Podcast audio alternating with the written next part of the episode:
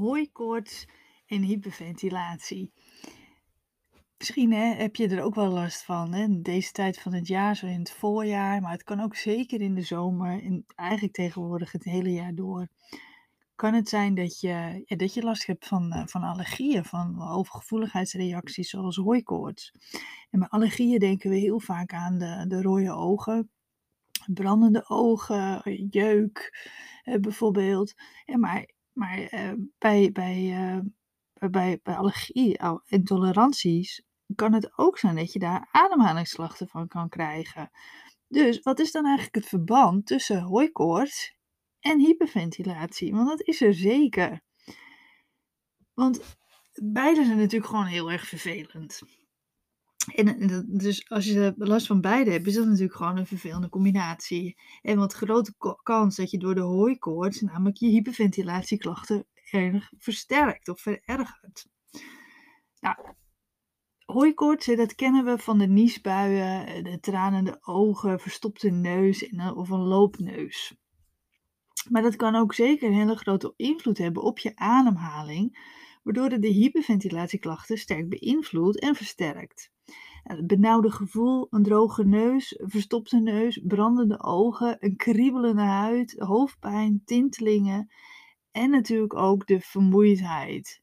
En die vermoeidheid merk je, merk je vaak in die vermoeide benen of spierpijngevoel, maar kan ook een heel uitgeput en leeg uh, ja, gevoel geven. Zelf um, heb ik last van hooikoorts en uh, ook wat, wat uh, overgevoeligheidsreacties op voeding. En, um, maar ik, um, ik, ik had eigenlijk nooit echt het verband gelegd. Totdat ik uh, erachter kwam dat ik in een bepaalde periode van het jaar echt veel meer last had van, hoor, van, van uh, hyperventilatie. Van die onrust, van de, de paniekgevoelens. Vooral de heel erg vermoeidheid. Misschien als je uh, laatste keer voor, of twee weken terug mijn nieuwsbrief heb gelezen, hè, dan uh, kon je ook lezen dat ik gewoon heel erg moe was. En dat ik een beetje boos op mezelf was daardoor. Maar dat is bij mij echt wel een belangrijke oorzaak, is dan de hooikoorts. En dat vergeet ik dan altijd, want ik heb dus niet heel bewust die, die duidelijke klachten die, die mensen zo herkennen. Hè. Ik heb helemaal geen last van mijn ogen bijvoorbeeld. En uh, ja, ik ben wel vaker het niezen bijvoorbeeld. En een beetje, ja, een beetje snotterig of zo. Maar niet heel erg. Maar wat ik dus wel merk, dat ik gewoon benauwer ben. En, en dat, is, uh, dat is gewoon heel erg vervelend. En ik kwam er dus jaren terug achter dat, het, dat ik dat dus in een bepaalde periode veel meer had. En toen kon ik dat uh, voor mezelf ook wat meer rust erin krijgen. Van hé, hey, maar dat heb je altijd nu. Dus het is niet, uh, het is niet altijd per definitie stress, hè, hyperventilatie. Het kan dus ook dat soort externe invloeden zijn, zoals dus hooikoorts of, uh, overgevoeligheidsreacties op bepaalde eh, voedingsmiddelen.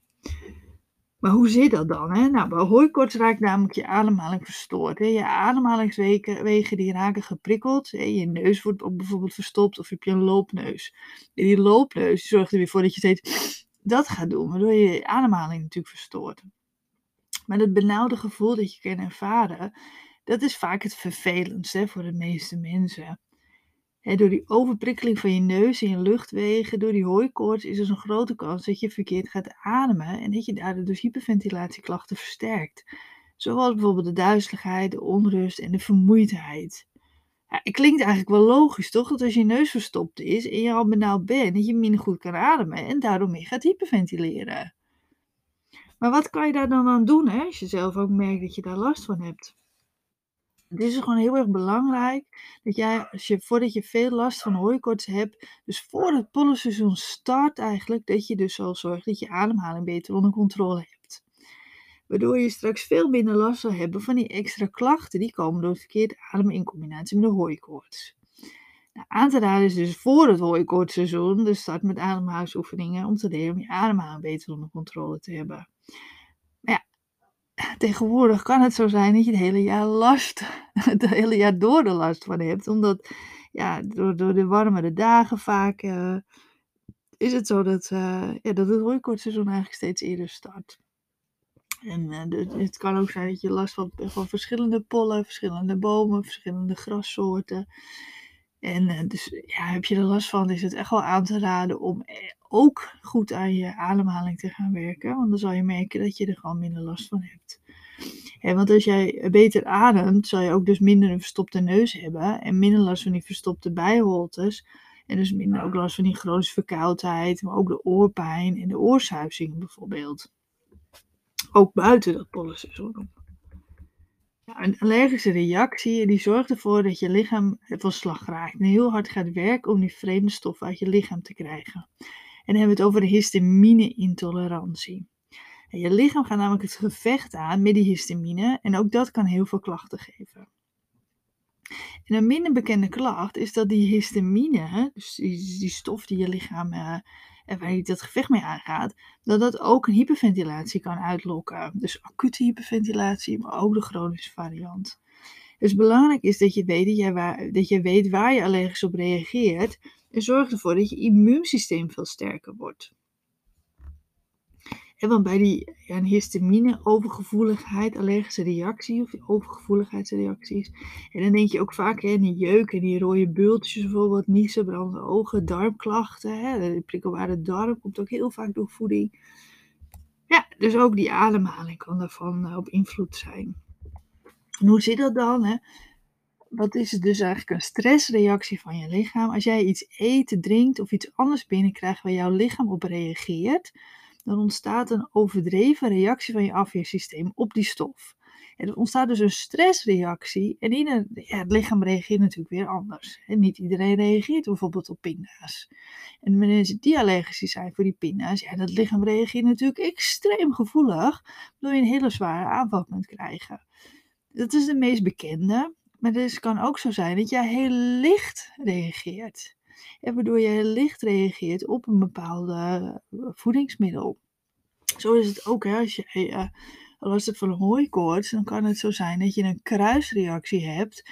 En dat je bijvoorbeeld, bijvoorbeeld de berkenpollen, dit is een bekende, dat ook, weet ik, dan moet je, kan je even googelen hoe dat zit met kruisreacties. En dat je bijvoorbeeld ook beter eventjes geen appels kunt eten, omdat het in diezelfde categorie valt.